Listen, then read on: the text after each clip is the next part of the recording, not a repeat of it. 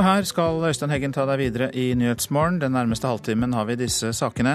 Svensk velferd trues ikke av å ta imot 75 000 asylsøkere i året, mener lederen av Sveriges finanspolitiske råd. Kommuner bør ikke slå seg sammen, men heller samarbeide. Det mener professor i økologisk økonomi. Alle barn skal få delta på fritidsaktivitet, uavhengig av familiens økonomi. I dag lanseres nemlig Fritidserklæringen. Ja, det er den svenske økonomiprofessoren eh, John Hasler som mener at den svenske velferdsstaten ikke er truet av å ta imot 75 eh, 000 asylsøkere i året. Og Hasler leder Sveriges finanspolitiske råd. Han er i Norge i dag for å delta på regjeringens seminar om hva innvandringen koster norsk økonomi. Det har en betydande konsekvens for de offentlige finansene, men den er ikke dramatisk. Sier Jon Hasler, økonomiforskeren som har regnet på hvor mye det vil koste dersom det årlig kommer rundt 75 000 flyktninger til mottakene i Sverige. 75 000 er over dobbelt så mange som søkte om asyl i Norge i fjor. Det er ikke et fundamentalt hot mot, mot eh, velferdsstaten. Det rører seg om kanskje i størrelsesorden omtrent 1 av BNP. Hasler leder det finanspolitiske rådet i Sverige, et regjeringsoppnevnt organ som skal granske om finanspolitikken virker som den skal. I dag er han i Norge for å dele erfaringer Sverige gjorde seg etter rekordåret i fjor, da svenskene fikk over 160 000 asylsøkere. God integrering er avgjørende, ifølge Hasler, som vedgår at på det feltet har svenskene langt igjen. Eh, det er vesentlig at de menneskene som finnes i landet, har tilgang til bra utdanning, at det går bra for deres barn. at de kommer inn på arbeidsmarkedet. Det, det, der er, det er en utfordring for Sverige, men den rent statsfinansielle frågan tycker jeg ikke er den mest sentrale.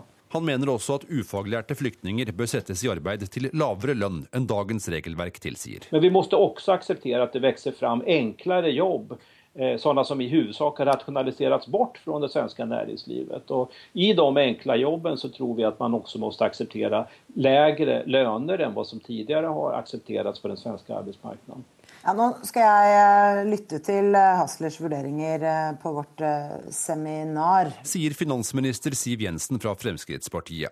Det er hun som har invitert den svenske professoren til Oslo i anledning Finansdepartementets seminar om innvandringens påvirkning på norsk økonomi. At 75 000 flyktninger i året skulle være udramatisk for den svenske velferdsstaten, kommenterer hun slik. Jeg skal vokte meg vel for å gå inn i den svenske debatten, men sett fra norsk side så har Sverige sine utfordringer som jeg mener Norge bør eh, unngå. Finansministeren er også skeptisk til forslaget om å gi flyktninger lavere lønn. Det er i hvert fall sånn at uh, regjeringen vil vurdere det som uh, utfordrende. Særlig med tanke på at veldig mange er opptatt av at vi skal unngå sosial dumping i Norge. Reportere her, Fredrik Lauritzen og Lilla Sølesvik. Og Lilla Sølesvik, du er kommet til studio, for det blir nemlig debatt om kostnadene ved innvandring i Politisk kvarter, der du er programleder. Ja, det blir i hvert fall debatt om den norske asylpolitikken. For integreringsminister Sylvi Listhaug er bekymra for landet og den norske velferdsstaten, fordi hun ikke får gjennomslag for alle sine innstrammingsforslag. Hun møter Arbeiderpartiets Helga Pedersen i debatt. Men så har jeg også gjort et lengre intervju med professor Jon Hasler, som vi hørte her. Han mener jo at vi ikke skal være bekymra for svenske tilstander i Norge. Ikke fordi vi får færre asylsøkere enn Sverige, men fordi han mener vi har bedre skolepolitikk og boligpolitikk enn svenskene. Politisk kvarter når klokka altså er kvart på åtte.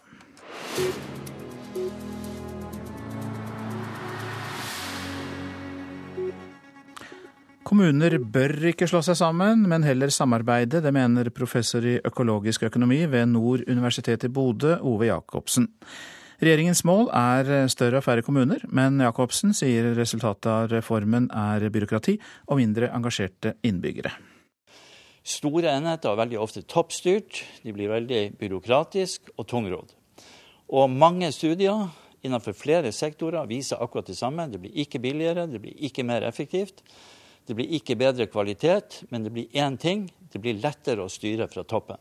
Ove Jacobsen er professor i økologisk økonomi ved Nord universitet i Bodø. Han mener regjeringas kommunereform, der målet er større og færre kommuner, fører helt galt av sted. I de fleste tilfeller så er det ingenting å hente på store enheter. For oss er det aller viktigste at kommunene er rustet til å gi gode velferdstjenester i tiår Dette er kommunal- og moderniseringsminister Jan Tore Sanner fra Høyre da han for to år siden lanserte kommunereformen. Men Jacobsen mener at kommunene heller bør samarbeide med hverandre, og viser til Salten der det samarbeides om brann og avfall. Hvis alle blir lik, altså man blir mer lik når man kommer inn i en stor enhet, så mister man denne spenninga, den kreativiteten. Så spenninga mellom små, forskjellige enheter er driven i samfunnsutvikling.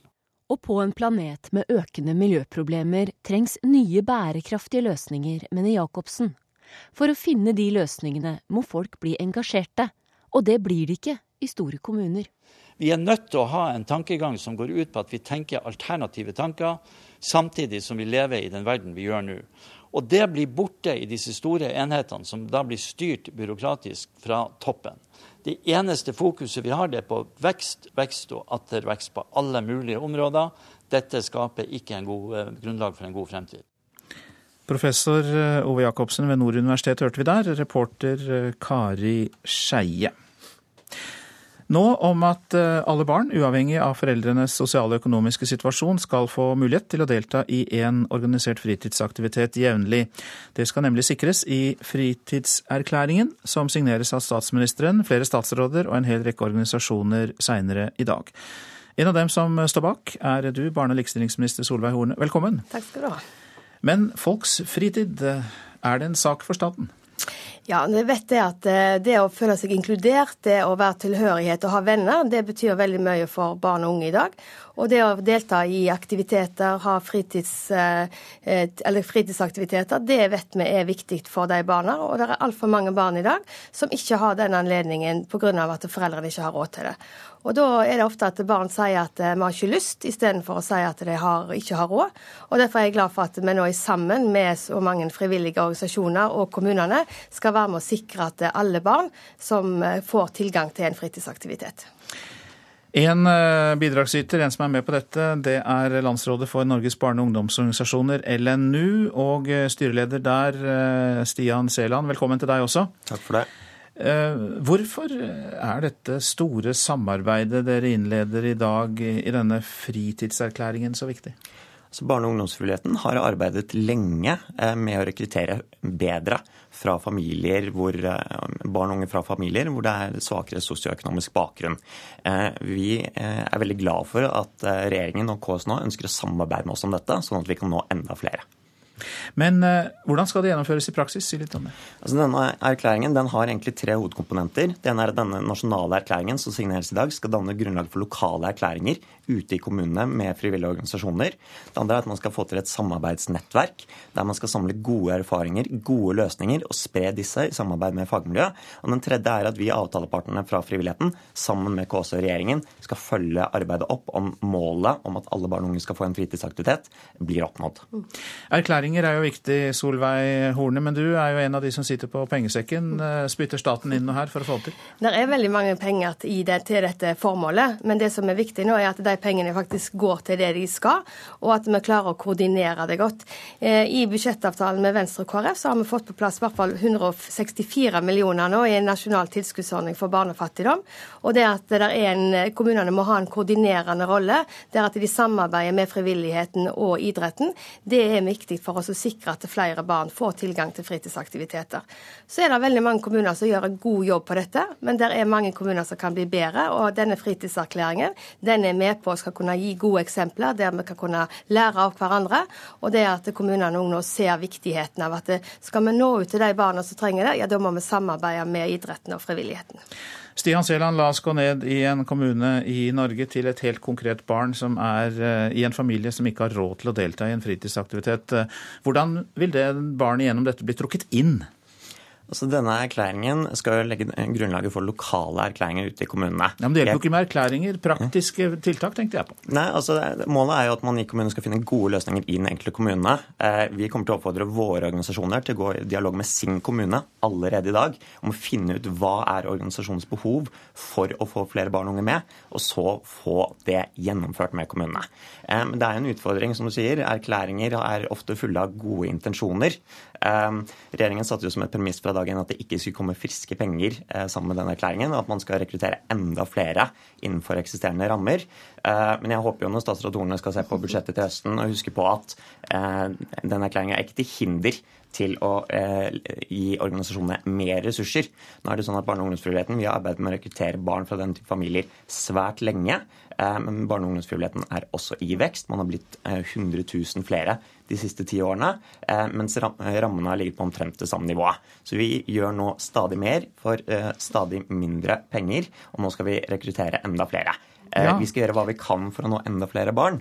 Eh, men det er også viktig å huske på at regjeringen kan også øke kapasiteten i organisasjonene til nettopp dette. Ja, dette er et arbeid som vi skal gjøre sammen. Både kommunene, frivilligheten, idretten og staten. Og staten har eh, ganske mange penger, nesten over 200 millioner til sammen til dette, dette tiltaket. Men det er viktig at kommunene òg ser de barna som når, er, når, foreldrene er i kontakt med Nav, at de òg ser at det er barn i den familien, og ser hvordan de kan kunne klare, sammen med frivilligheten frivilligheten og idretten å nå ut til disse barna. Det er mange idrettslag, mange kommuner som har kontingentstøtte, som har utstyrslån. For det er sånne ting som skal være med oss og hjelpe de barna til å være med i, i fritidsaktiviteter. Og det må koordineres bedre, og det håper jeg at denne erklæringen kan være med å bidra til.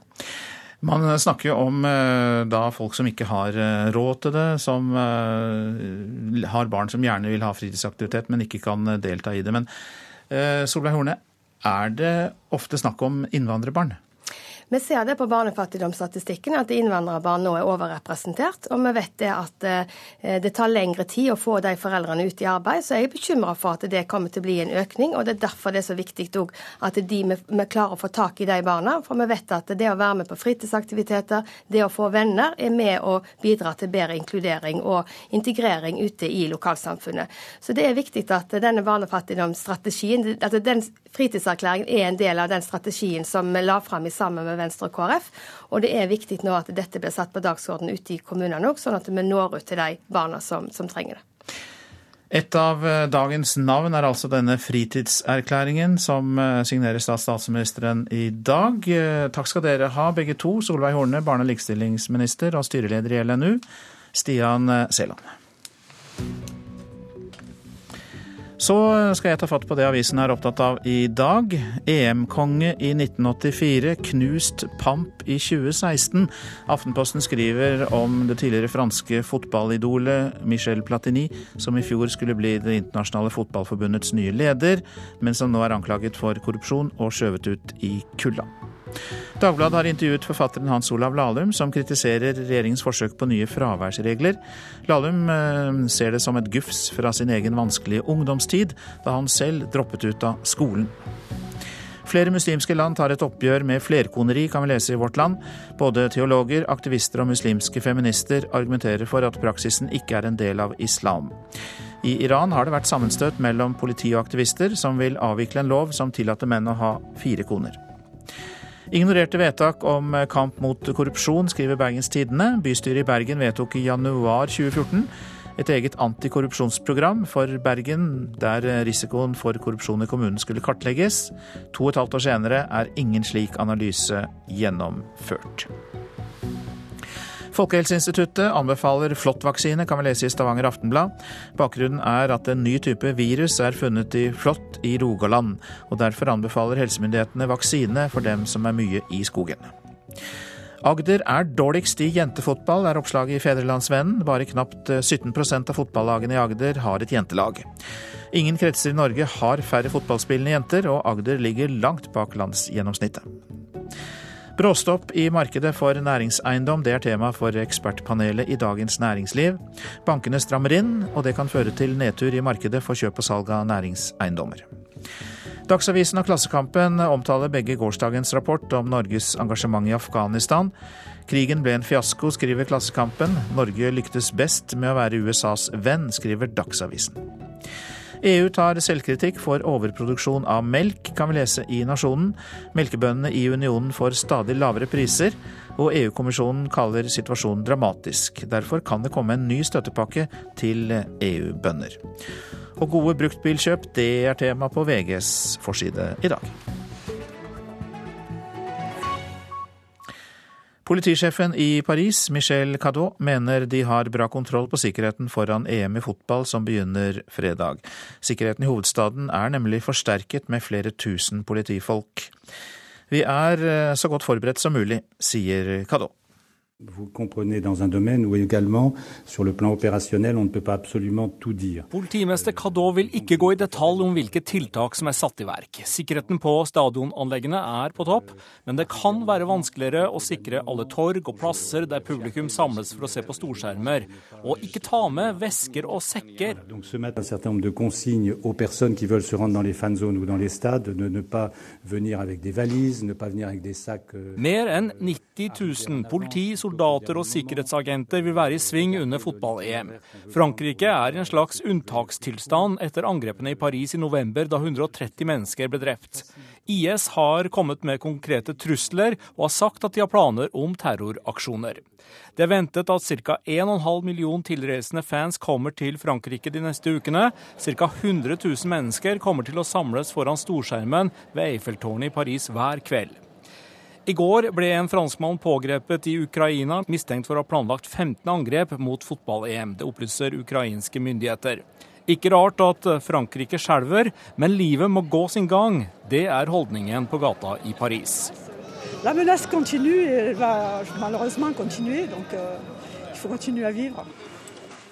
Reporter var Pål Thomassen. Klokka den nærmer seg 6.50, og vi har disse hovedsakene. Hillary Clinton utropes som vinner av nominasjonskampen på demokratenes side av nyhetsbyrået Ap og nyhetskanalen CBS. De mener hun har støtte fra nok såkalte superdelegater på landsmøtet. Men etter klokka sju skal vi høre at Clinton selv ikke tar seieren på forskudd. I Hedmark er fire personer tiltalt for menneskehandel. De skal ha truet flere kvinner til å prostituere seg i Glåmdalsdistriktet. Fire kommuner rundt Kristiansand har sagt nei til sammenslåing. Velgerne i Birkenes, Lillesand, Søgne og Sogn Sogndalen sa tydelig nei til storkommune, og vi analyserer resultatet etter klokka sju. Nå om fylkesordfører i Hordaland, Anne Gine Hestetun, for hun er kritisk til Statens vegvesen. De åpnet nemlig Måbøtunnelen i mai, to uker før geologene mente det var trygt. Tunnelen ble åpnet for kolonnekjøring tre dager etter den kraftige bilbrannen 19. mai, selv om to rapporter fra Vegvesenets egne geologer mente veien burde vært stengt inntil alt sikringsarbeid var ferdig. Statens vegvesen tar en risiko når de velger å holde det åpen. Jeg undrer meg over at så tydelige faglige råd bare blir neglisjert, og en velger å holde tunnelene og veien åpen. Dette er en riksvei, og jeg forventer at statsråd og departement tar saken på alvor, slik at alle som ferdes på veien kan være trygge til enhver tid. Departementet har hittil vist videre til Statens vegvesen men Vegdirektoratet har foreløpig ikke svart til NRK. Leder i Norsk geologisk forening i Bergen, Johannes Vik Seljebotn, mener Vegvesenet tok en kritikkverdig sjanse i to uker. Sterkt kritikkverdig. Her har de tatt sjans, en sjanse på at det går bra. Risikoen har vært relativt høy, uten at folk som kjører gjennom tunnelen har vært på noen måte informert om dette. Seksjonssjef Lars Øyre i Vegvesenet har til NRK forklart at han hadde lytta til tunnelsikringsarbeiderne, i stedet for geologene sitt råd om å holde veien stengt. Det har vært trygt og sikkert nok med tanke på å slippe trafikk på. I dette tilfellet så fant vi ut at vi kunne våge, og ikke bare våge, men vi mente det var riktig å åpne med en redusert kolonnekjøring. Åpning på tross av en geologisk rapport vil jo måtte begrunnes med en, en grundigere undersøkelse, og ikke en synsing ut ifra praktiske forhold. Reporter var Leif Rune Løland. Kygos musikk strømmer allerede ut av høyttalere over hele verden, men nå skal bergenseren også forsøke å fylle folks klesskap. Fredag mottok Kygo, eller Kyrre Gørveldal som han heter, fullt ut eksportprisen for norsk musikk, og i august lanserer han et eget merke med musikk, elektronikk og klær. Vi kommer ganske langt, ja. Tidligere i dag var jeg i møte med en designer, det var med klærne. og altså, Klær er jo noe jeg er interessert meg for lenge.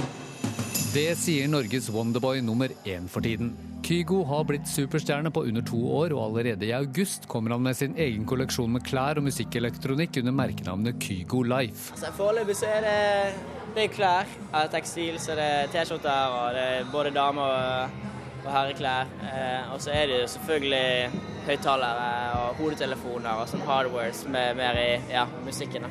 Og caps. Og capser må vi selvfølgelig ha med. Kygo samarbeider med Jan Inge Gullikstad, mannen som har hjulpet både Kari Traa, Therese Johaug, Bjørn Dæhlie og Vegard Ulvang med å få plass i norske klesskap. Moren til musikkgeniet, Kjersti Gjerde, sier at familien har langsiktige planer for Kygo Life. Dette med Kygo Life er noe som Kyrre kanskje kan leve av når musikken eh, dabber av eller går over i en andre former. At kanskje barna hans og barnebarna hans kan leve av dette. At dette kan være på en måte et forhåpentligvis et økonomisk fundament som man kan ha glede av videre og ha som et livsgrunnlag. Kygo er jo en av de største merkevarene noen har hatt, så om det er noen som skal lykkes, så må det være han nå. Det sier Sindre Olsson, som er seniorrådgiver innen livsstil hos Gilmyden Kise. Han sier det er svært uvanlig å se en artist som ikke nøyer seg med å samarbeide med etablerte kleskjeder, men som vil lage sitt eget verdensomspennende merkenavn. Jeg tror absolutt at dette er smart å tenke merkevarebygging i et videre perspektiv for ham. Men det kommer enda mer, for hva er vel en verdensstjerne uten en skikkelig film om seg selv? Plateselskapet Sony har leid inn en regissør fra New Zealand som har fulgt bergenseren over hele verden. Planen var jo at eh, vi skulle ha en liten dokumentarfilm når jeg slipper albumet. og på en måte Vise veien til den, dette albumet, på en måte. Men eh, det virker som litt forsinket. Kanskje de har lyst til å gjøre det, gjøre det helt perfekt. Reporter var Petter Sommer, og vi gir oss ikke helt med dette dette temaet, nemlig investeringer og musikk. Artister som Carpe Diem og Oslo S nøyer seg nemlig ikke med å opptre på utesteder, nå vil de også eie dem. Gutta i Oslo S eh, åpnet nylig sitt tredje utested.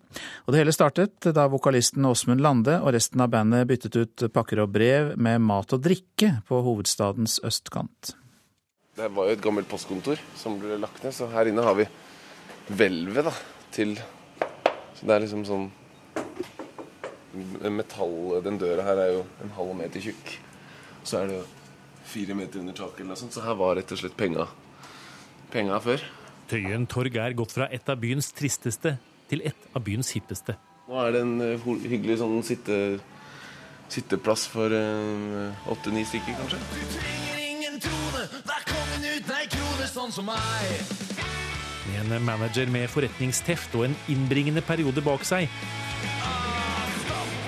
utvidet vokalist Åsmund Lande og bandkompisene i Oslo S i fjor repertoaret, og ble utelivsinvestorer i tillegg til band. Det er jo jævlig rock'n'roll, liksom. Og, helt sikkert en bra investering, men først og fremst et utrolig kul ting å gjøre da, som band, liksom. Som en kameratgjeng.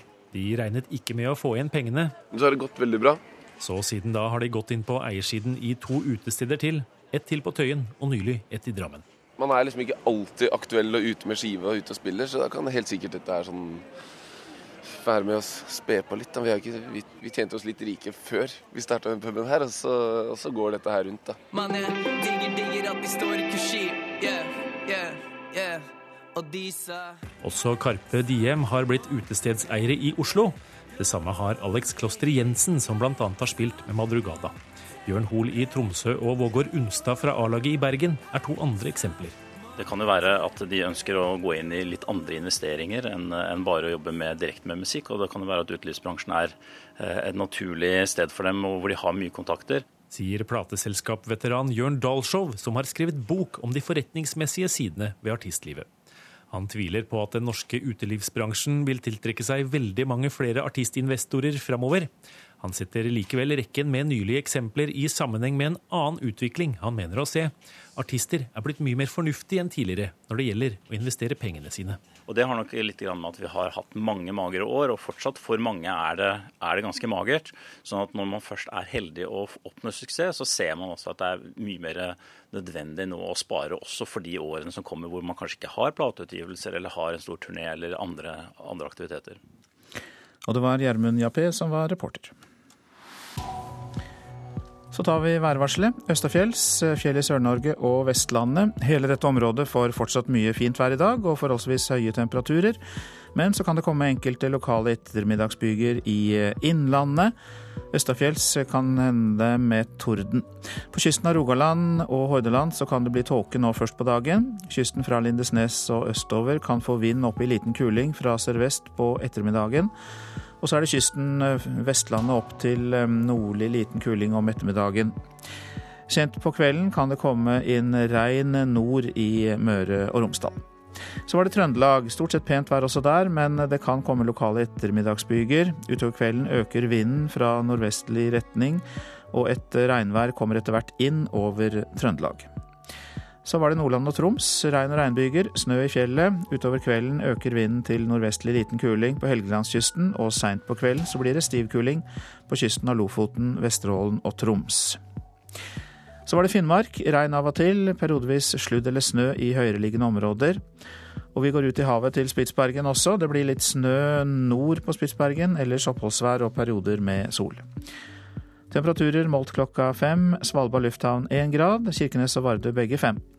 Alta sju. Tromsø-Langnes seks. Bodø og Brønnøysund begge åtte. Trondheim-Værnes 9, Molde 10, Bergen-Flesland 14, Stavanger 12, Kristiansand-Kjevik 15, Gardermoen 14, Lillehammer 10, Røros 1 grad og Oslo-Blindern hadde 15 grader klokka fem i natt.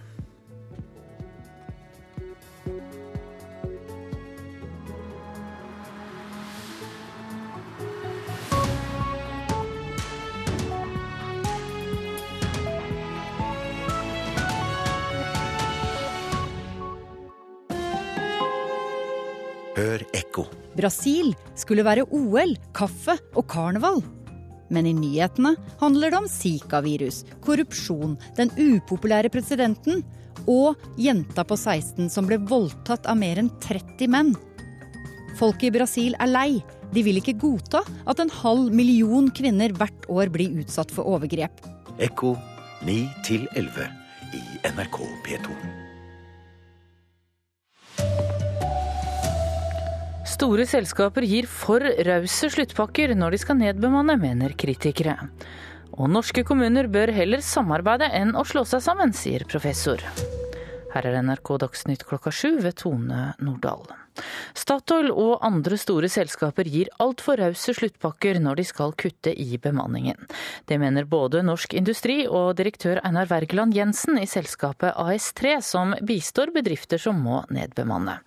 Å tilby ansatte to årslønner for å få dem til å slutte, er å gjøre folk en bjørnetjeneste, mener Wergeland Jensen. Hvis det blir for trygt, hvis lønningsposen varer for lenge, så tror jeg ikke folk får den nødvendige motivasjonen til å eh, mobilisere energi til å komme seg videre. Statoil har i flere runder tilbudt sluttpakker. Ved årsskiftet ble alle ansatte frista med opptil to års lønn for å slutte. En litt sånn kjapp løsning kanskje, å betale seg ut av problemet. Fordi det de ønsker for enhver pris, er nok å få til frivillig nedbemanning. Men kanskje er det da viktigere å heller tenke at eh, noen færre vil velge sluttpakke, så man må gå til en formell oppsigelsesrunde også i tillegg. Reporter Kjartan Røslett. Det blir ikke noen storbykommune på Sørlandet. I går sa kommunene Søgne, Sogndalen, Birkenes og Lillesand nei til å bli en del av nye Kristiansand. Dette var siste mulighet for å få en såkalt storbykommune i kommunereformen. Fra før har kommunene rundt Stavanger sagt nei til å bli Nord-Jæren. Molde, Kristiansund og Ålesund fikk ikke med seg sine omlandskommuner for å bli større bykommuner, og en stor Grenland-kommune ble det heller ikke noe av. Og kommuner bør ikke slå seg sammen, men de bør heller samarbeide mer. Det mener professor i økologisk økonomi ved Nord universitet i Bodø, Ove Jacobsen. Regjeringens mål er større og færre kommuner, men Jacobsen sier resultatet av kommunereformen er mer byråkrati og mindre engasjerte innbyggere. Store enheter er veldig ofte toppstyrt, de blir veldig byråkratiske og tungrodd. Og mange studier innenfor flere sektorer viser akkurat det samme. Det blir ikke billigere, det blir ikke mer effektivt. Det blir ikke bedre kvalitet, men det blir én ting. Det blir lettere å styre fra toppen. Ove Jacobsen er professor i økologisk økonomi ved Nord universitet i Bodø. Han mener regjeringas kommunereform, der målet er større og færre kommuner, fører helt galt av sted. I de fleste tilfeller så er det ingenting å hente på store enheter. Reporter Kari Skeie. 1000 pasienter ved Oslo universitetssykehus kan ha fått feil svar på kjønnssykdomtester. Årsaken er at maskinen som har analysert prøvene ikke har blitt renset på riktig måte etter bruk. Flere har fått vite at de har f.eks. klamydia uten å ha det. Nå sender sykehuset ut brev til de berørte og beklager situasjonen de har havnet i. Fyldige sluttpakker er sløsing, mener bemanningsekspert. Også her i Nyhetsmorgen skal vi høre mer om rause sluttpakker. Vi analyserer kampen om kommunesammenslåingene etter at det ble bråstopp for Kristiansand. Det skulle jo blitt Norges femte storby, men naboene sa nei. Norske politikere sender brev til Tyrkias president, ber Erdogan gjøre om med vedtaket som fjerner parlamentarikernes immunitet. Og voldelige opptøyer allerede ett år før valget i Kenya. Ja, som vi hørte i Dagsnytt, Statoil og andre store selskaper gir altfor rause sluttpakker når de skal kutte i bemanningen. Det mener både arbeidsgiverorganisasjonen Norsk Industri og direktør Einar Wergeland Jensen i selskapet AS3. De bistår bedrifter som må nedbemanne. Og Wergeland Jensen mener flere arbeidsgivere tyr til for lettvinte og dyre løsninger. Vi har sett eksempler på Statoil som tilbyr opptil 24 måneder. Vi har sett for noen år tilbake Telenor som tilbyr sluttpakker opptil 21 måneder. Og vi hører jo snakk om, fra også lest i Dagens Næringsliv, at eh, Forsvaret vurderer pakker opptil 36 måneder. Hvilket jeg mener er helt unødvendig og en sløsing med offentlige midler. Arbeidsgivere som mener de har råd til det, tilbyr ikke sjelden sluttpakker, med Statoil som ett eksempel. Med tilbud om tidligpensjon eller inntil to års lønn, håper Statoil å få opp mot 1500 ansatte til å forlate selskapet i år. Einar Wergeland Jensen mener at så rause sluttpakker kan gjøre at den som trenger å finne seg nytt arbeid, venter for lenge med det. Jeg ville tenkt, Hvis jeg var disse bedriftene, så ville jeg vurdert å redusert uh, pakken. Det er viktig at folk får en viss trygghet i en sånn situasjon, og det kan en økonomisk sluttpakke bidra til. Uh, jeg tror det bør være grenser for mye trygghet. fordi at Hvis det blir for trygt, hvis lønningsposen varer for lenge, så tror jeg ikke folk får den nødvendige motivasjonen til å uh, mobilisere energi til å komme seg videre. Så da er andre tiltak bedre? Da tror jeg nok at kombinasjonen av en viss trygghet gjennom en sluttpakke er viktig, kombinert med andre hjelpevirkemidler, slik som karriereveiledning. Hjelp til å starte virksomhet for enkelte personer kan være nyttig, og kompetanseutviklingstiltak. Å se dette i en kombinasjon tror jeg er en bedre helhetlig sluttpakke. For Statoil har det vært viktig å få til frivillige løsninger, sier pressetalsmann Ola Anders Skauby. Vi ønsker å gi folk som har vært eh, lenge i selskapet en eh, god mulighet til å eh, finne ny jobb, eventuelt omstille seg til andre typer jobber. Og dette er vår måte å løse en, en slik situasjon på. Det er på en måte å gi et feil signal, altså. Det sier administrerende direktør Stein Lier Hansen i Norsk Industri. Han representerer en del av arbeidslivet der tusenvis har måttet slutte uten noe godtgjøring. Fordi at vi som ansatte vi må akseptere å slutte i en jobb hvis ikke lenger arbeidsgiveren eh, har nok arbeid til å sysselsette oss. Statoil har valgt å løse det på den måten eh, som vi har anledning til. Vi er eh, opptatt av at folk skal få som har jobbet lenge i selskapet, skal få en, en mulighet til å omstille seg og til å, å et, eh, bruke litt tid på å gjøre et, et, viktig valg i livet sitt. Og så tror jeg andre må eh, velge ut ifra sine forutsetninger. Og I denne sammenhengen så skal vi for ordens skyld nevne at nyhetsavdelingen i NRK også tilbyr de ansatte sluttpakke. Den er på inntil en årslønn. Reportere var Kjartan Røslett og Åge Algerøy. Kristiansand kunne blitt den femte storbyen i Norge, men nå har de fire kommunene rundt sagt nei til sammenslåing, som vi hørte i Dagsnytt. En av ordførerne feiret valgresultatet som kom seint i går kveld. Vi er jo letta, klart det. Eh, og vi fikk jo et eh, såpass tydelig svar som vi ønska oss.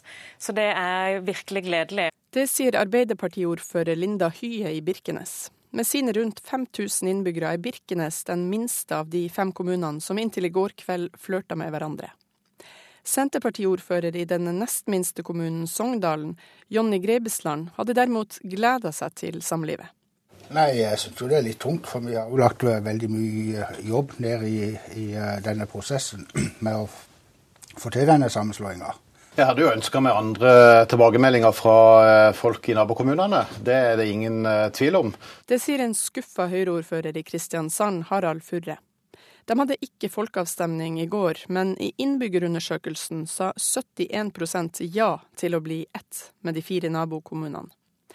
I de andre fire kommunene viste innbyggerundersøkelsene at det ville bli tett løp, men i går sa de altså et høyt og rungende nei. Aller tydeligst var svaret fra innbyggerne i Lillesand, der 66% ville være singel. Høyreordfører i Lillesand, Arne Thomassen, er overraska. Vi hadde innbyggerundersøkelsen, og følelsen liksom har vært at det ble jevnere. Men det er, øh, det er vanskelig å si. Vi har en krevende jobb foran oss, vi som tror på dette prosjektet.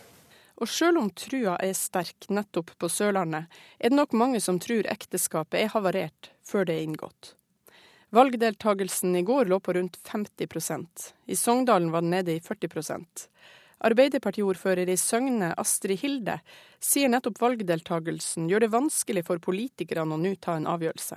Det som er positivt for oss, da, er at vi bikker over akkurat 51 eh, og litt høyere enn det. Men det er fremdeles veldig mange som sitter hjemme. Eh, så det gjør at det også for meg er vanskelig å si hvordan eh, vi vil lande. Men vi skal drøfte dette i våre partiorgan og ta det i medlemsmøtet før vi kommer med noe konkret svar på hva vi kommer til å stemme. Heller ikke Thomassen i Lillesand vil gi opp trua på ekteskapet. Jeg har ikke lyst til å uttale meg så veldig mye før at vi får snakke sammen med de ulike partiene. Jeg har ikke lyst til å binde meg til noe i dag. Og som sagt, jeg er noe overraska over at ikke mer enn halvparten velger å stemme med en så viktig sak som dette. Reporter Eva Marie Bulai. Ja, da var det en ny runde da med folkeavstemninger. Politisk kommentator Lars Nehru Sand, god morgen til deg. God morgen, god morgen. Hva innebærer nok et nei da spesielt til en slik storkommune for eh, Jan Tore Sanner? Det innebærer at uh, hovedsakelig at han ikke får noe gjennomslag for den regionale tenkningen han ville med reformen. Han ville jo ikke bare ha færre små kommuner, men han ville også bygge regionsentra rundt de største byene, som Stavanger eller Kristiansand eller Grenlandsområdet, Romerike, Drammen, Østfold. for at kommunegrensene skulle følge de Eh, regionene hvor folk bor, jobber og, og bruker servicetilbud. Eh, I dag kanskje på tvers av kommunegrensene. Sånn blir det ikke heller på, på Sørlandet. Hva er hovedgrunnene til at det blir nei fra så mange? Jeg tror nok eh, ikke det er noen spesielle utslag i, i, debatten på Sørlandet kontra andre steder. Jeg tror småkommunene føler at de er Eh, store nok, at de eh, vil bevare en nærhet til tjenestetilbudet osv. Og, og at man har hatt en debatt, eh, i hvert fall så langt jeg har fulgt den, i, i Stor-Kristiansand, som har fulgt de konfliktlinjene som har vært i andre kommuner. Men var dette med Kristiansand mer overraskende enn andre steder? Altså at det ble nei rundt, rundt Kristiansand? Det som for så vidt var overraskende, var kanskje at det ble så klart nei-flertall som det ble. I de innbyggerundersøkelsene som har vært, så har det vært eh, såkalt simpelt flertall i, i Søgne Sogndalen for å slå seg sammen med Kristiansand. Og det har vært eh, et positivt resultat i Birkenes og ganske likt i, i Lillesand. Og nå ender det da med eh, et ganske solide nei-flertall i, i, alle de fire kommunene rundt eh, storbyen til å, å bli en del av en ny og større kommune. Er det i det hele tatt mulig for eh, tilhengerne av storkommune, og da mm, selvfølgelig kommunalminister Jan Tore Sanner i spissen for dette, å, å gjøre noen politiske krumspring for å få til mer sammenslåing, eller er det, er det, kan vi nå slå fast at det går slett ikke den veien? Vi kan i hvert fall slå fast at det ikke blir noen storstilte eh, sammenslåinger, ei heller når fylkesmennene har gitt sine råd. Men det er klart reformen går inn i en ny fase når, eh, når vi går inn i sommeren og, og, mot høsten. Fylkesmennene skal skrive sine råd eh, eller sammenstillinger av hva som egentlig har skjedd, før 1.10. Og da I den perioden der så, så er det klart at det, vi kan se noen sammenslåinger, man kan se noen mindre varianter av de, de større kommuneprosjektene som har vært nå, eh, bli en realitet. Men, men eh, hovedlinja er jo at folket har sagt et bastant nei til reformen. Tror du det er noen i regjeringskontorene som uh, angrer på det? Altså at de vil ha folkeavstemninger? Nei, I regjeringskontorene ville man jo ikke ha folkeavstemning, rett og slett fordi man Man, uh, man så kanskje mener, det som kom, ja? Ja, det er nå det ene. Men det andre er at man, man har ment at det er, uh, gir et mer hva skal jeg si, jevnere bilde av, av befolkningens mening. Om man, man har innbyggerundersøkelser, eller at aller helst at lokalpolitikerne selv, basert på sammensetningen i kommunestyret, gjør, gjør et vedtak basert på det. Men nå har jo flere lokalpolitikere sagt at de vil høre hva folk mener. og i all hovedsak så har jo folk sagt eh, klart og tydelig nei. Mange takk skal du ha, politisk kommentator eh, Lars Nehru Sand. Ja, det er Nyhetsmorgen du lytter til, og klokka den eh, tikker fram mot 7.13. Vi har disse hovedsakene. Store selskaper gir altfor rause sluttpakker når de skal nedbemanne, mener kritikere. Sløsing, mener bemanningsekspert. Ja, vi har hørt at Kristiansand kunne blitt den femte storbyen i Norge, men nå har fire kommuner rundt sagt nei til sammenslåing. I Hedmark er fire personer tiltalt for menneskehandel. De skal ha truet flere kvinner til å prostituere seg i Glåmdalsdistriktet. USA nå. Hillary Clinton har samlet støtte fra nok delegater til å bli utnevnt som demokratenes første kvinnelige presidentkandidat. Det er nyhetsbyrået Ap som bl.a. kommer med denne opptellingen idet seks nye delstater skal eh, stemme. Men Clinton selv tar ikke seieren på forskudd.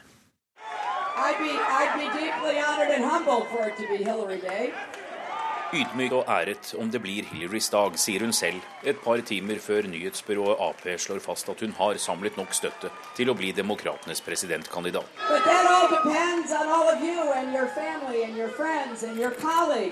Etter kunngjøringen gjentar Clinton på sosiale medier at det fortsatt er primærvalg å vinne. Hele seks i dag, med California som førstepremie. Her på Mexico Plaza utenfor Los Angeles varmes velgerne opp. Et mariachi-orkester har spilt. Plakater der det står 'Kjærlighet trumfer hat' har blitt løftet opp mot den blå himmelen. Clinton-kampanjens surrogater har snakket den siste timen og fått folk til å rope Ja, vi kan, eller det kan gjøres, si se puede. De håper nok folk stemmer på henne, slik at hun vinner symboltung i California og motstanderen kan bli parkert en gang for alle.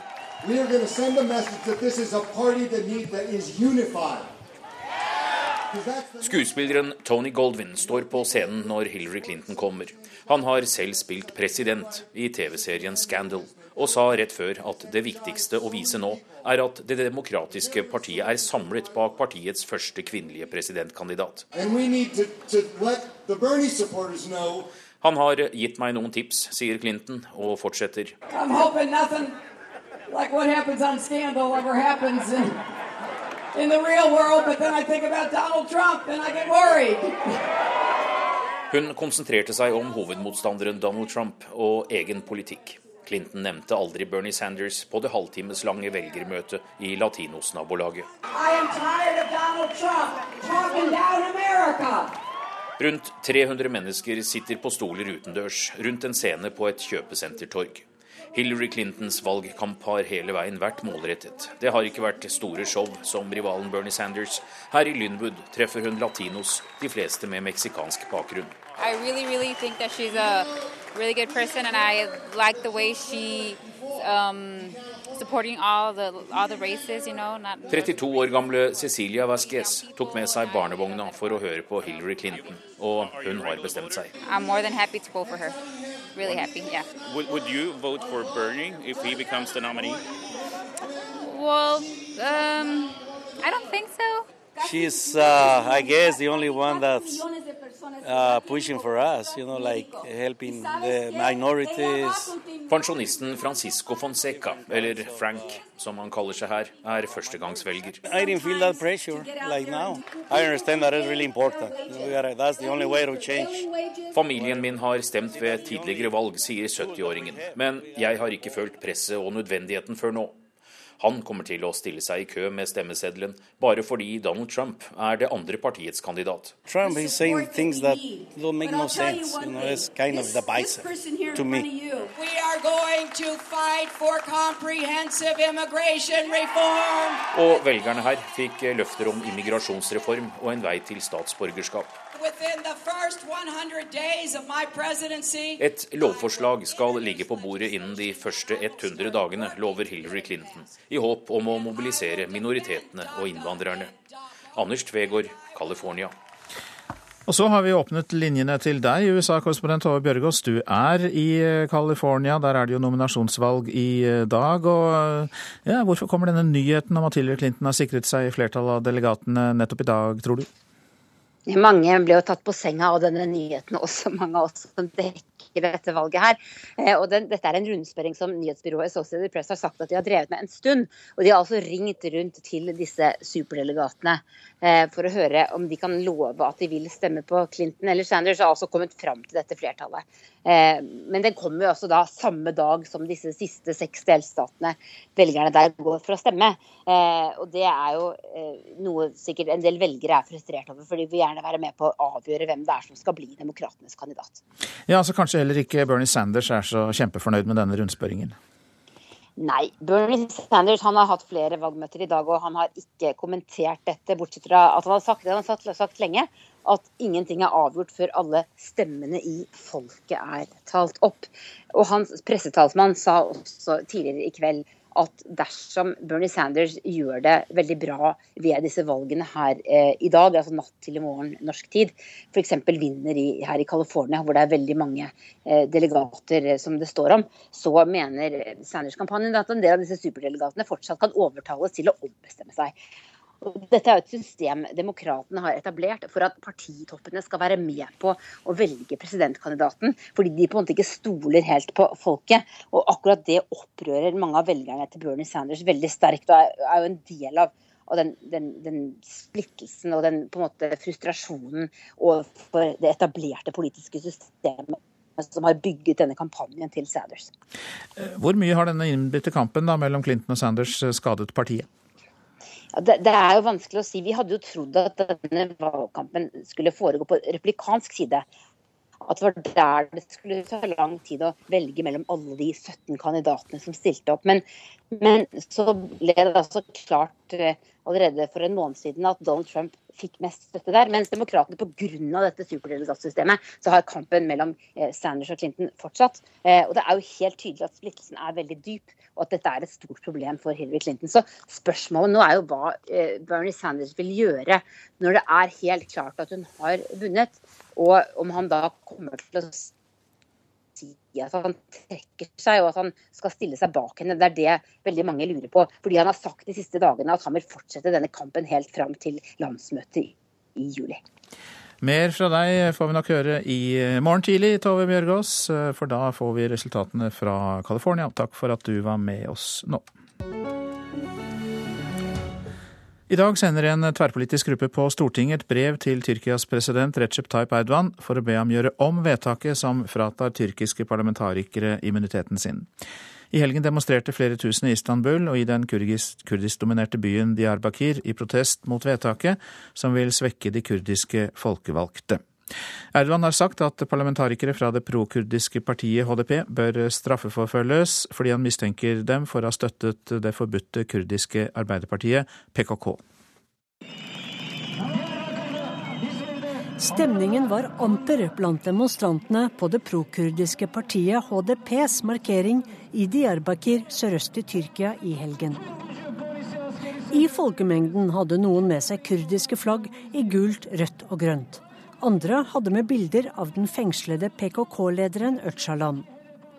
HDP er det prokurdiske partiet som kom inn med overraskende 138 representanter i det tyrkiske parlamentet i fjor høst.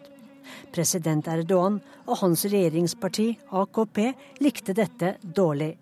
Han mistenker HDPs folk for å støtte PKK, det forbudte kurdiske Arbeiderpartiet, som står på både Tyrkias, EUs og USAs terrorlister.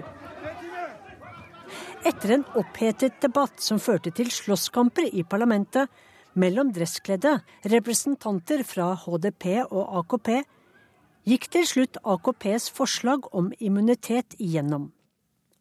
President Erdogan har presset på for å få prokurdiske politikere straffeforfulgt for å få fengslet dem som eventuelt støtter PKK-geriljaen, som kjemper for økt kurdisk selvstyre sørøst i Tyrkia.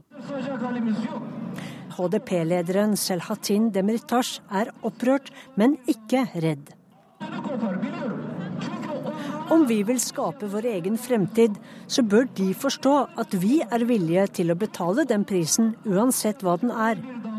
Og vi er ikke redde for å bli arrestert, sa den kurdiske parlamentarikeren til demonstrantene i Diyarbakir i helgen. I dag sender en gruppe norske parlamentarikere med representanter fra de fleste partiene på Stortinget, brev til Tyrkias president Erdogan. Vi ber om at uh, de tyrkiske myndighetene revurderer sitt standpunkt om å frata parlamentarikere immuniteten sin, for det vil svekke deres muligheter til å delta i samfunnsdebatten og ytre seg fritt. Sier Heikki Holmås fra SV. Vi ønsker å vise at eh, parlamentarikere fra alle land solidariserer seg med parlamentarikerne og kurderne i Tyrkia. Eh, for på den måten å si klart ifra om at eh, ytringsfrihet og muligheten til å være representanter for folket er noe som må respekteres i alle land. Men er dere sikre på at de prokurdiske folkevalgte i Tyrkia ikke har sterke bånd til PKK? Nei, det kan ikke vi vite noe som helst om, og derfor blander vi oss heller ikke inn i det. Det vi gjør, er å si klart ifra om at uh, som folkevalgt i et annet lands parlament, så forventer vi at uh, de har de samme rettigheter som vi som er folkevalgte i Norge, nemlig muligheten til å ytre seg fritt uten å risikere represalier. SVs Eiki Holmås, en av de norske parlamentarikerne bak dette brevet til Erdogan. Og reporter her var eh, Sissel Wold. Avisene nå. EM-konge i 1984, knust pamp i 2016. Aftenposten skriver om det tidligere fotballidolet Michel Platini, som i fjor skulle bli Det internasjonale fotballforbundets nye leder, men som nå er anklaget for korrupsjon og skjøvet ut i kulda. Dagbladet har intervjuet forfatteren Hans Olav Lahlum, som kritiserer regjeringens forsøk på nye fraværsregler i skolen. Lahlum ser det som et gufs fra sin egen vanskelige ungdomstid, da han selv droppet ut av skolen. Flere muslimske land tar et oppgjør med flerkoneri, kan vi lese i Vårt Land. Både teologer, aktivister og muslimske feminister argumenterer for at praksisen ikke er en del av islam. I Iran har det vært eh, sammenstøt mellom politi og aktivister, som vil avvikle en lov som tillater menn å ha fire koner.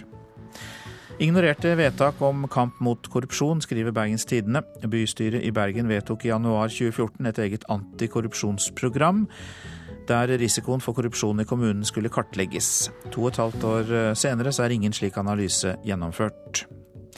Folkehelseinstituttet anbefaler flåttvaksine, kan vi lese i Stavanger Aftenblad. Bakgrunnen er at en ny type virus er funnet i flått i Rogaland. Derfor anbefaler helsemyndighetene vaksine for dem som er mye i skogen. Agder er dårligst i jentefotball, er oppslaget i Fedrelandsvennen. Bare knapt 17% av fotballagene i Agder er jentelag. Ingen kretser i Norge har færre fotballspillende jenter, og Agder ligger da langt bak landsgjennomsnittet. Bråstopp i markedet for næringseiendom, er tema for ekspertpanelet i Dagens Næringsliv. Bankene strammer inn, og det kan føre til nedtur i dette markedet for kjøp og salg av næringseiendom. Dagsavisen og Klassekampen omtaler gårsdagens rapport om Norges engasjement i Afghanistan. Krigen ble en fiasko, skriver Klassekampen. Norge lyktes best med å være USAs venn, skriver Dagsavisen. EU tar selvkritikk for overproduksjon av melk, det kan vi lese om i Nasjonen. Melkebøndene i unionen får stadig lavere priser, og EU-kommisjonen kaller situasjonen dramatisk. Derfor kan det komme en ny støttepakke til EU-bønder. Og gode bruktbilkjøp, det er det VG er opptatt av på sin forside i dag. Nå til Kenya, der kampen foran neste års valg allerede har ført til at flere er blitt drept. Hver mandag arrangerer opposisjonen voldsomme demonstrasjoner mot landets valgkommisjon. I går varslet politiet at de ville bruke dødelige våpen. To ble drept. Vår Afrikakorrespondent Sverre Tom Radøy møtte demonstranten Felix, som, an som anklager valgkommisjonen for tyveri.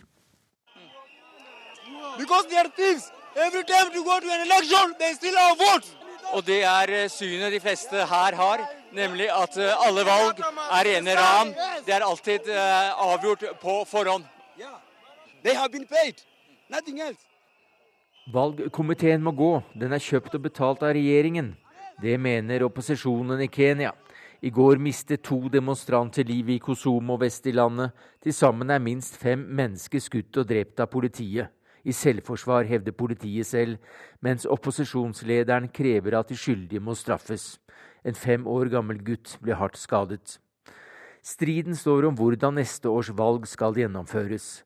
Opposisjonen mener at de som skal legge forholdene til rette for et fritt og demokratisk valg i 2017, er i lomma på den sittende regjeringen.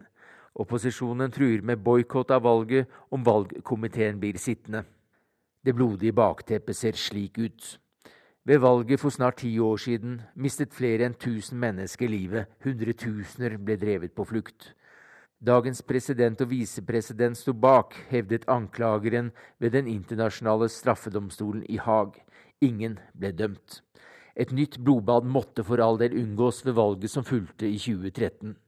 Ifølge observatører som NRK har snakket med, var mislighetene mange den gang da men sterke krefter anså det som viktig å godkjenne dette rufsete valget raskt for å demme opp for en ny voldsbølge. Det har ikke taperne glemt. Nå demonstrerer de hver eneste mandag, og truer med raskt å trappe opp til to ganger i uka, så fire, for så å demonstrere daglig inntil valgkomiteen er skiftet ut. Det er ikke store massedemonstrasjoner foreløpig. Det er flest unge menn fra opposisjonspartienes stammer som er mobilisert. Selv hevder presidenten at Grunnloven hindrer ham i å skifte ut valgkomiteen. Mange mener han ikke vil forandre komiteen, som godkjente valget da han kom til makten i 2013, mens næringslivet, religiøse ledere og det sivile samfunnet roper på dialog. Det er 60 mandager igjen til valget i august 2017.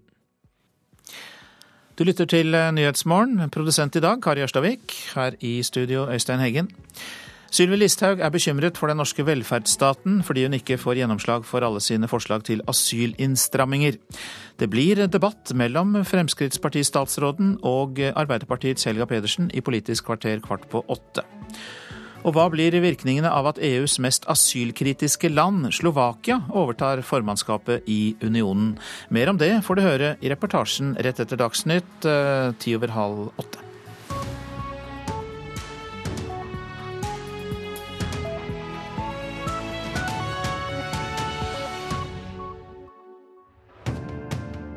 Hør Kulturhuset. This is the birthplace of the internet. En spennende og visuell dokumentar om internett. Det må da være umulig. Regissør Werner Herzog har likevel prøvd på akkurat det. Lykkes han? Hør Kulturhuset i dag klokken 13.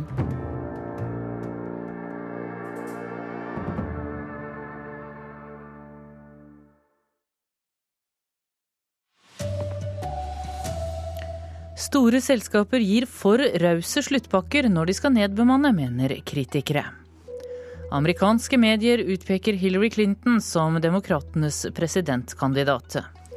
Og det blir ikke noen storbykommune på Sørlandet. Kommunene rundt Kristiansand sa nei. God morgen, her er NRK Dagsnytt klokka 7.30 ved Tone Nordahl.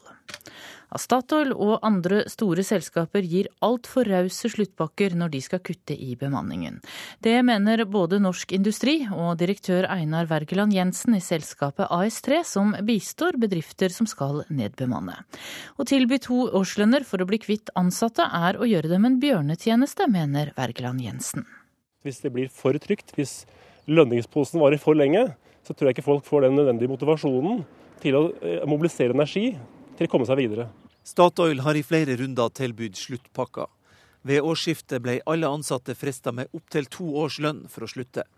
Senere har medarbeidere i deler av selskapet fått et nytt tilbud om sluttpakke eller tidligpensjon. Målet er å redusere bemanninga i Statoil med opptil 1500 i løpet av året. En litt sånn kjapp løsning kanskje, å betale seg ut av problemet. Fordi det de ønsker for enhver pris, er nok å få til frivillig nedbemanning.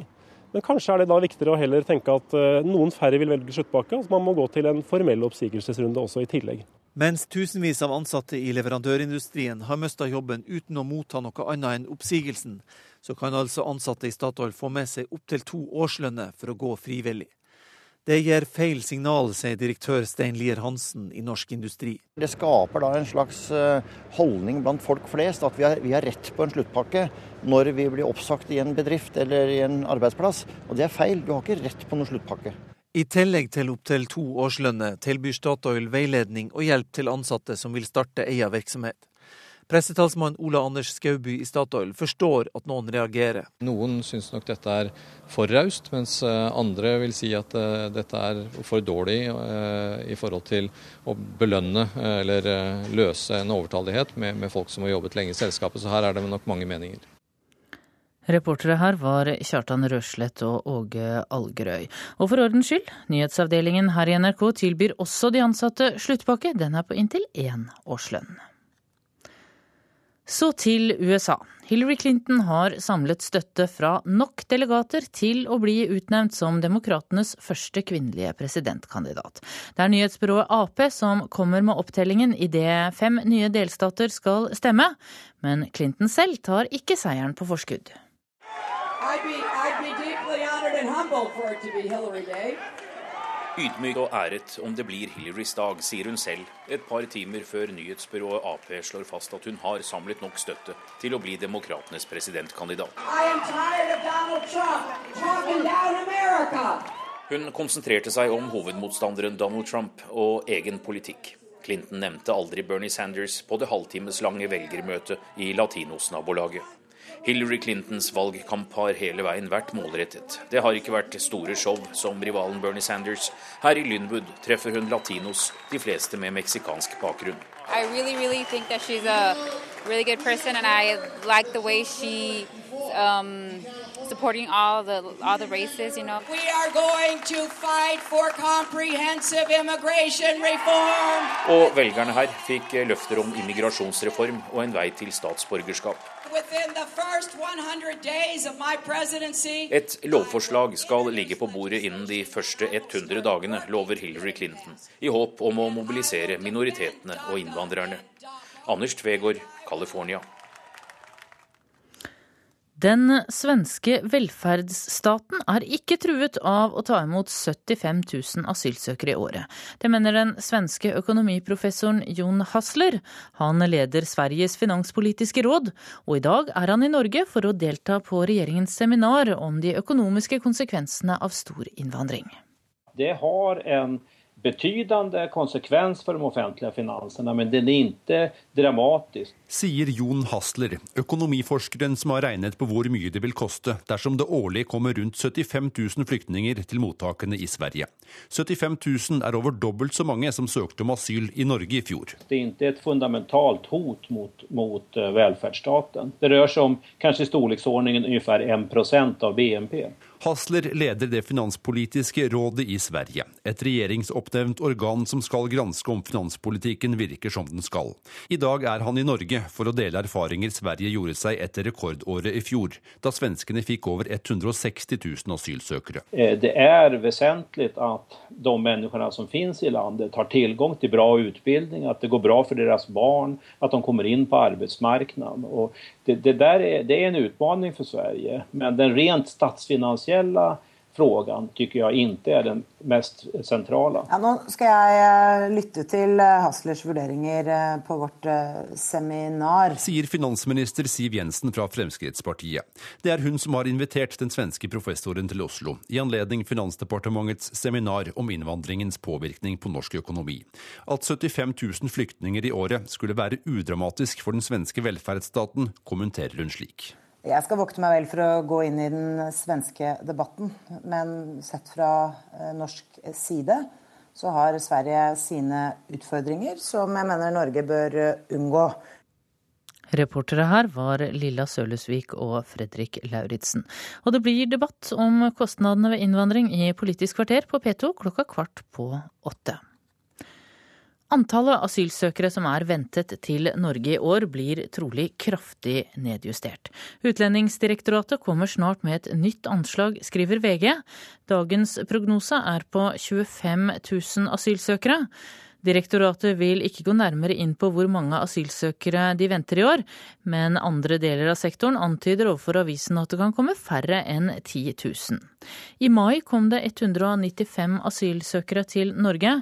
Hittil i år har det kommet 1407. Kristiansand kunne blitt den femte storbyen i Norge, men nå har de fire kommunene rundt sagt nei til sammenslåing.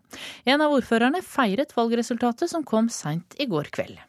Vi er jo letta, klart det. Og vi fikk jo et uh, såpass tydelig svar som vi ønska oss. Så det er virkelig gledelig. Det sier Arbeiderpartiordfører Linda Hye i Birkenes, den minste kommunen i flokken. Sammen med Søgne, Sogndalen og Lillesand har de sagt nei til å bli ett med Kristiansand. Det skuffer Høyre-ordføreren i Kristiansand, Harald Furre. Jeg hadde jo ønska meg andre tilbakemeldinger fra eh, folk i nabokommunene. Det er det ingen eh, tvil om. Nei, jeg syns det er litt tungt, for vi har jo lagt veldig mye jobb ned i, i eh, denne prosessen med å få til denne sammenslåinga. Det sier en annen Høyre-ordfører, Arne Thomassen i Lillesand, den kommunen der flest sa nei, 66 Valgdeltagelsen har ligget på rundt 50 ned i 40% i Sogndalen. Arbeiderpartiordfører i Søgne, Astrid Hilde, sier valgdeltagelsen gjør det vanskelig for politikerne å nå ta en avgjørelse. Det som er positivt for oss, da, er at vi bikker over akkurat 51 eh, og litt høyere enn det. Men det er fremdeles veldig mange som sitter hjemme. Eh, så det gjør at det også for meg er vanskelig å si hvordan eh, vi vil lande. Men vi skal drøfte dette i våre partiorgan og ta det i medlemsmøtet før vi kommer med noe konkret eh, svar på hva vi kommer til å stemme. Det sa Astrid Hilde, ordfører i Søgne. Reporter her var Eva Marie Bulai. I Hedmark er fire personer tiltalt for menneskehandel. De skal ha truet flere kvinner til å prostituere seg. Ifølge tiltalen har kvinnene blitt lokket til Norge fra Bulgaria med løfter om penger til seg og familien. De skal så ha blitt tvunget til prostitusjon, og også til å gi fra seg det meste av pengene de tjente. Alle de fire tiltalte nekter straffskyld. Flere pasienter ved Oslo universitetssykehus har fått vite at de har kjønnssykdommer som klamydia uten å ha det. Det kan dreie seg om så mange som 1000 pasienter som har fått feil beskjed. Årsaken er at maskinen som analyserer prøvene ikke har blitt renset på riktig måte. Nå sender sykehuset ut brev til de berørte og beklager situasjonen. Det sier leder ved avdeling for mikrobiologi, Fredrik Müller. Jo, det er ikke bra. og Det er derfor vi også går ut med det og er, vil være helt åpne om det. Og vi bare beklager på det sterkeste overfor både pasienter og de legene som, som har vært i kontakt med pasientene. Det er sykehuset som selv skal sørge for at maskiner renses ordentlig, men de mener at leverandøren, Rocher Diagnostic Norge, har gitt for dårlig opplæring. Altså, Vi legger i stor grad eh, et ansvar på leverandør. Det er klart at Vi skal også gå i oss selv og gå gjennom våre rutiner og se om vi kan altså ikke minst lære av dette. Ja, Leverandøren avviser dette og sier de har gitt god nok opplæring. Reporter her var Elise Merete Olaussen. Ansvarlig for Dagsnytt, Sven Gullvåg.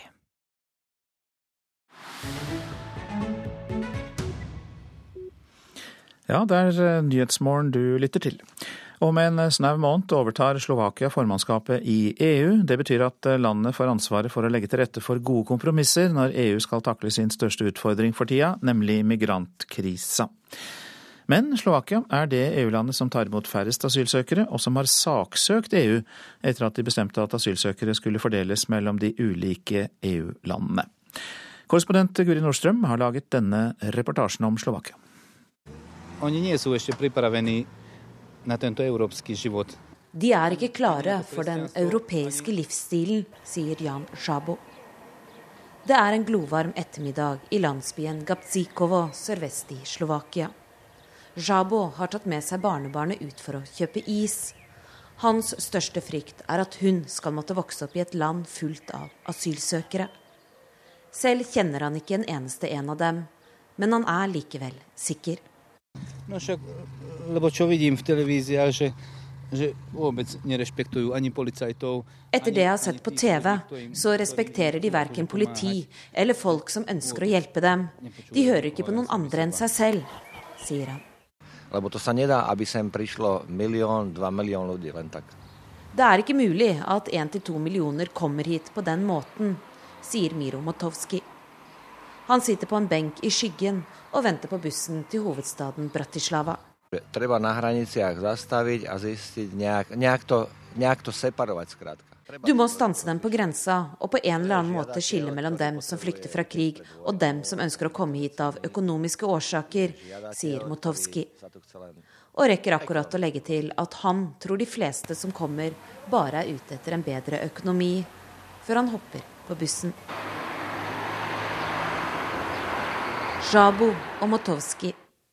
To tilfeldige slovakere, men likevel representative for flertallet i landet. For Slovakia er EU-landet som har tatt imot færrest asylsøkere i EU etter folketallet.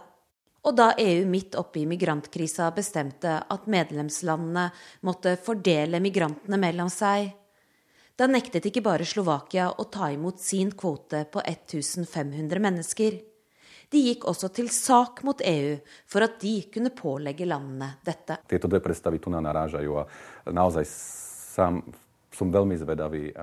Det er to syn som kolliderer med hverandre, og selv er jeg veldig nysgjerrig på hvordan Slovakia vil klare å finne en løsning på dette problemet, sier forsker Martin Slosiarik.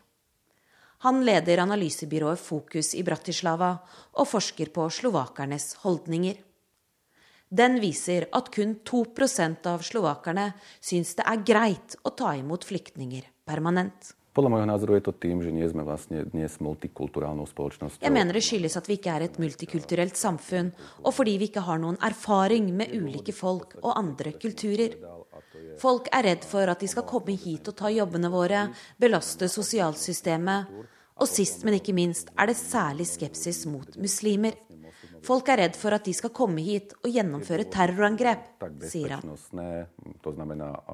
Og nettopp det har også vært argumentet til statsminister Robert Fitzo. Han har sagt at det katolske landet kun kan ta imot kristne asylsøkere. Argumentet har gått rett hjem hos de aller fleste av de rundt 5,5 million innbyggerne. I mars ble Fitzo gjenvalgt.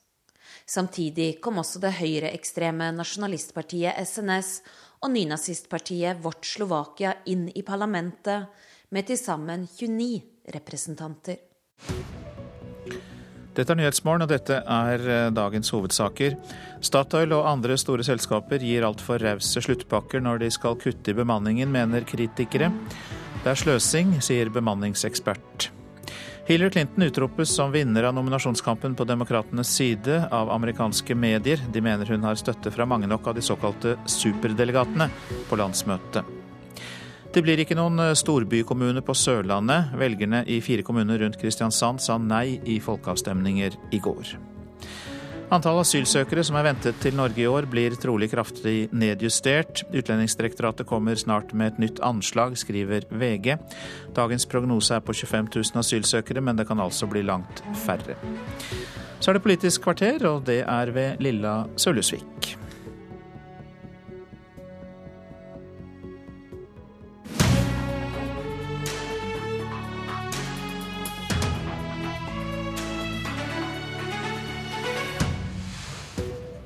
Sylvi Listhaug er bekymra fordi hun ikke får gjennom alle innstrammingsforslagene i asylpolitikken.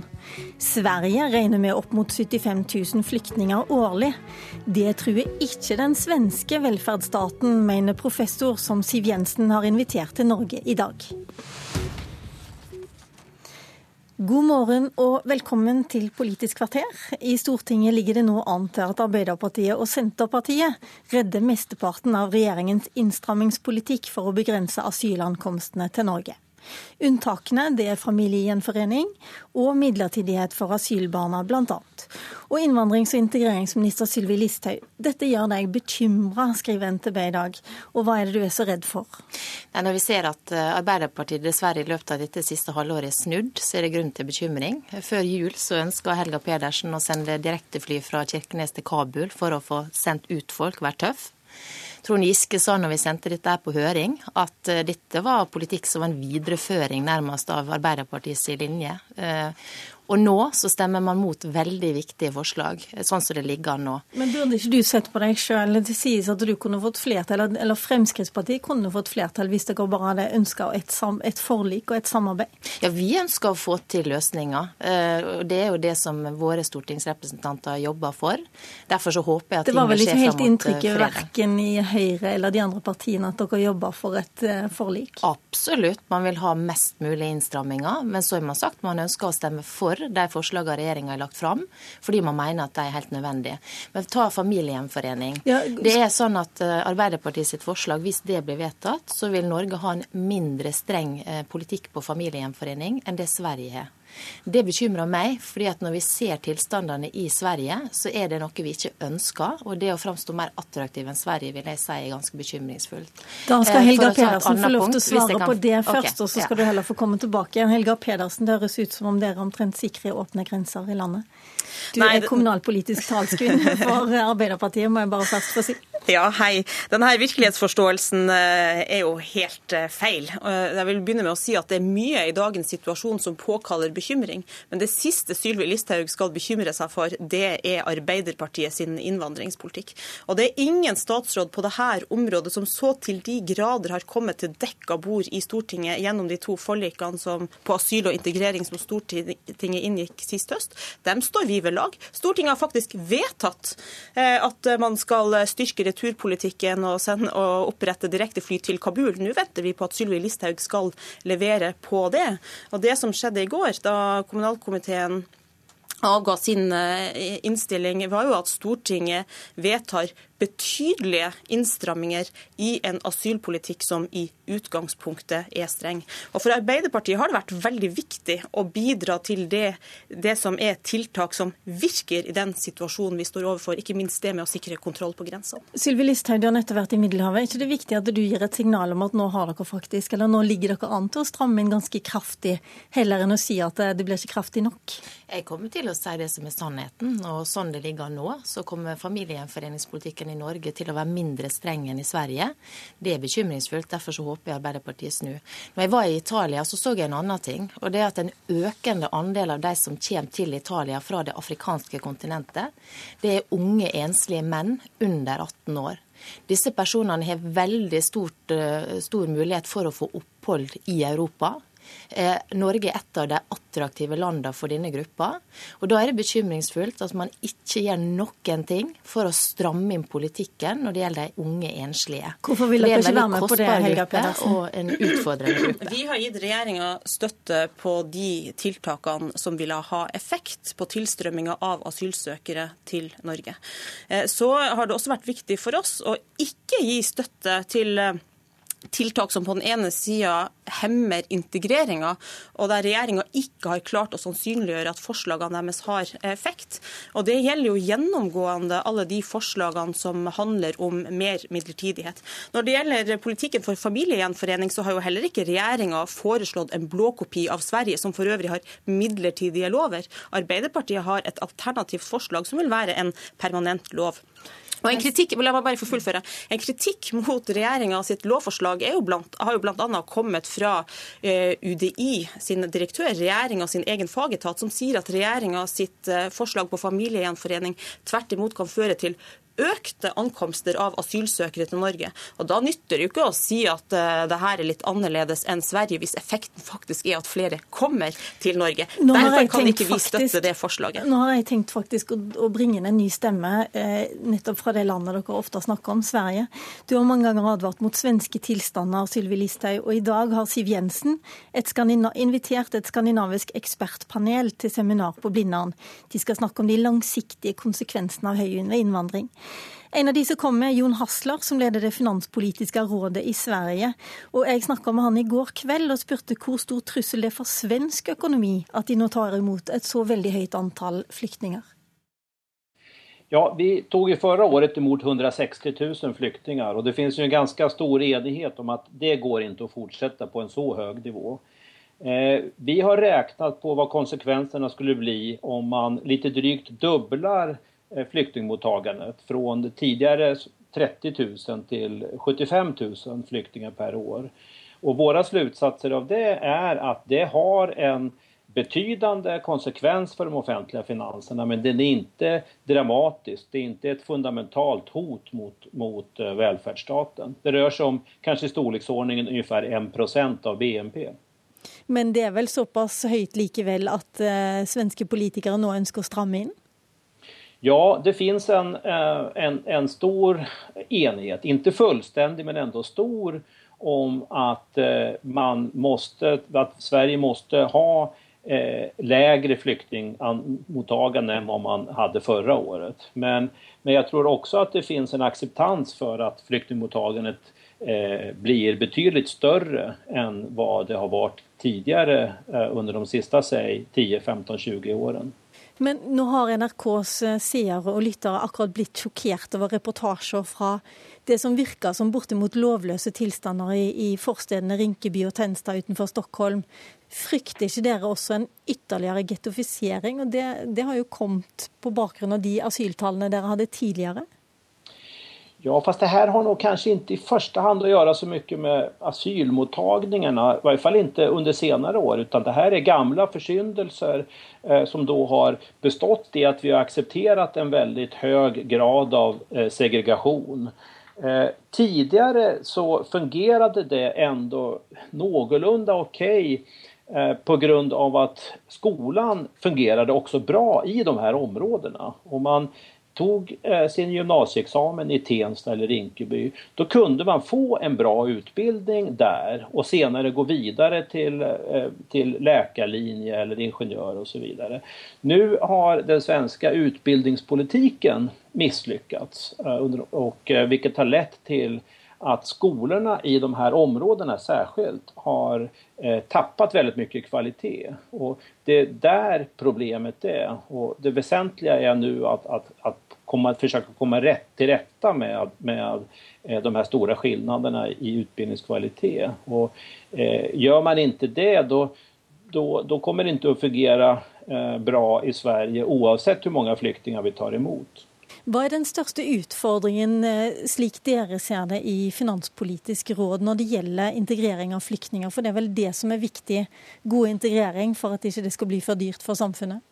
Där har vi pekat på att vi måste bli bättre med se, eh, få folk i arbete eh, någorlunda snabbt. Eh, vi har tidigare sett att det har tagit ungefär åtta år innan hälften av flyktingarna eh, i, i vuxen ålder, i arbetsför ålder, kommer i arbete.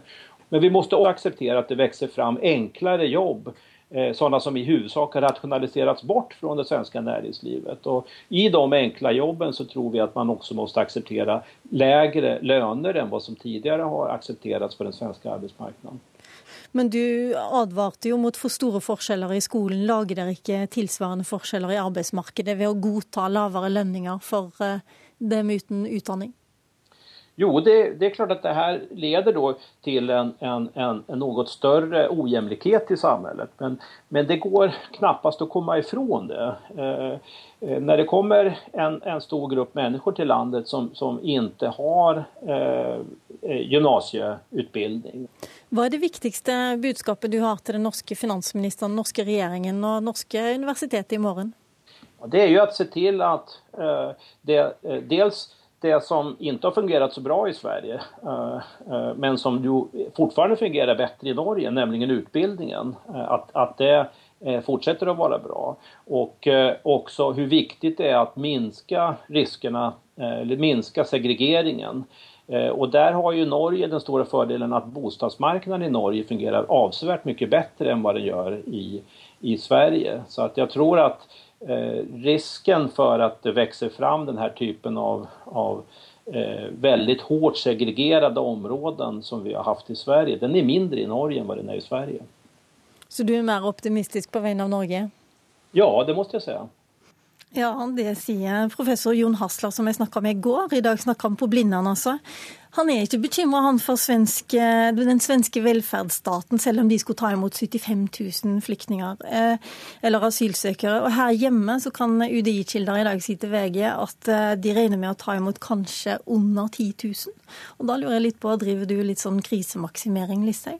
Det er jo svært usikre anslag. Var, I fjor så bygde vi jo ned kapasiteten på denne tida av året, men på høsten så fikk vi altså enormt mange, som gjorde at det kom tre ganger mer enn i et normalår.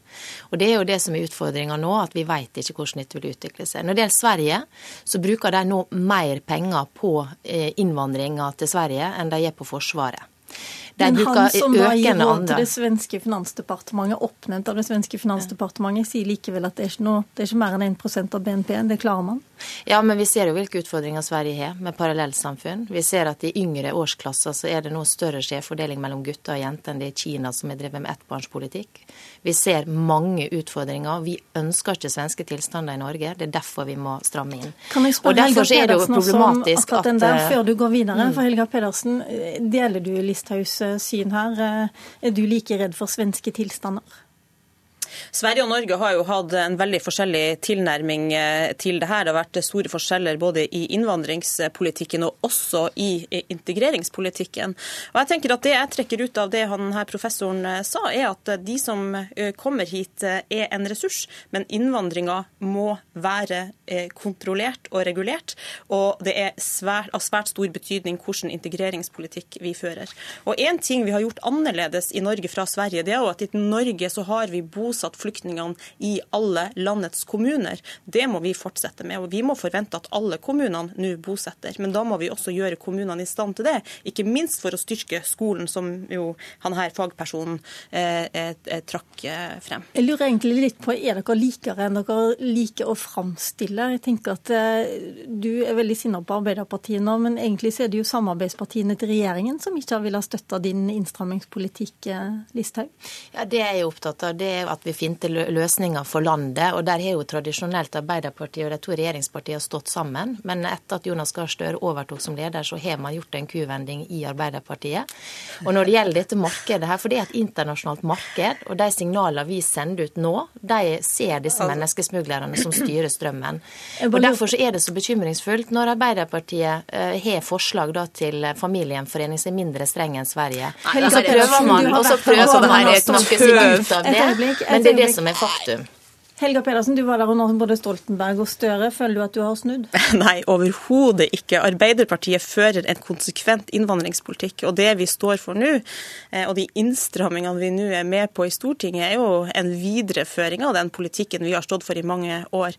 Eh, men det er sånn i norsk politikk at innvandringspolitikken og den støe kursen vi har hatt der, har jo funnet sin løsning mellom Arbeiderpartiet og Høyre med støtte fra sentrumspartiene. Det er aldri SV eller Frp, altså fløypartiene, som har definert det. Og Vi støtter fornuftige eh, innstramminger, men vi støtter ikke forslag eh, som, eh, der regjeringa ikke har sannsynliggjort effekten, og som i tillegg vil ramme integreringa. Og Det tenker jeg er den store lærdommen fra Sverige. At uansett om det kommer veldig mange eller veldig få, så må vi ha en god og offensiv integreringspolitikk. Og Da er jeg først og fremst bekymra over det kuttet dagens regjering har gjort i språkopplæringa i asylmottak. Vi har ikke råd til hvileskjær her. Vet du hva, Det må rett og slett integreringsministeren få snakke om en annen gang, eh, når asylinnstrammingen er over i Stortinget. For vår tid er faktisk ute her i Politisk kvarter.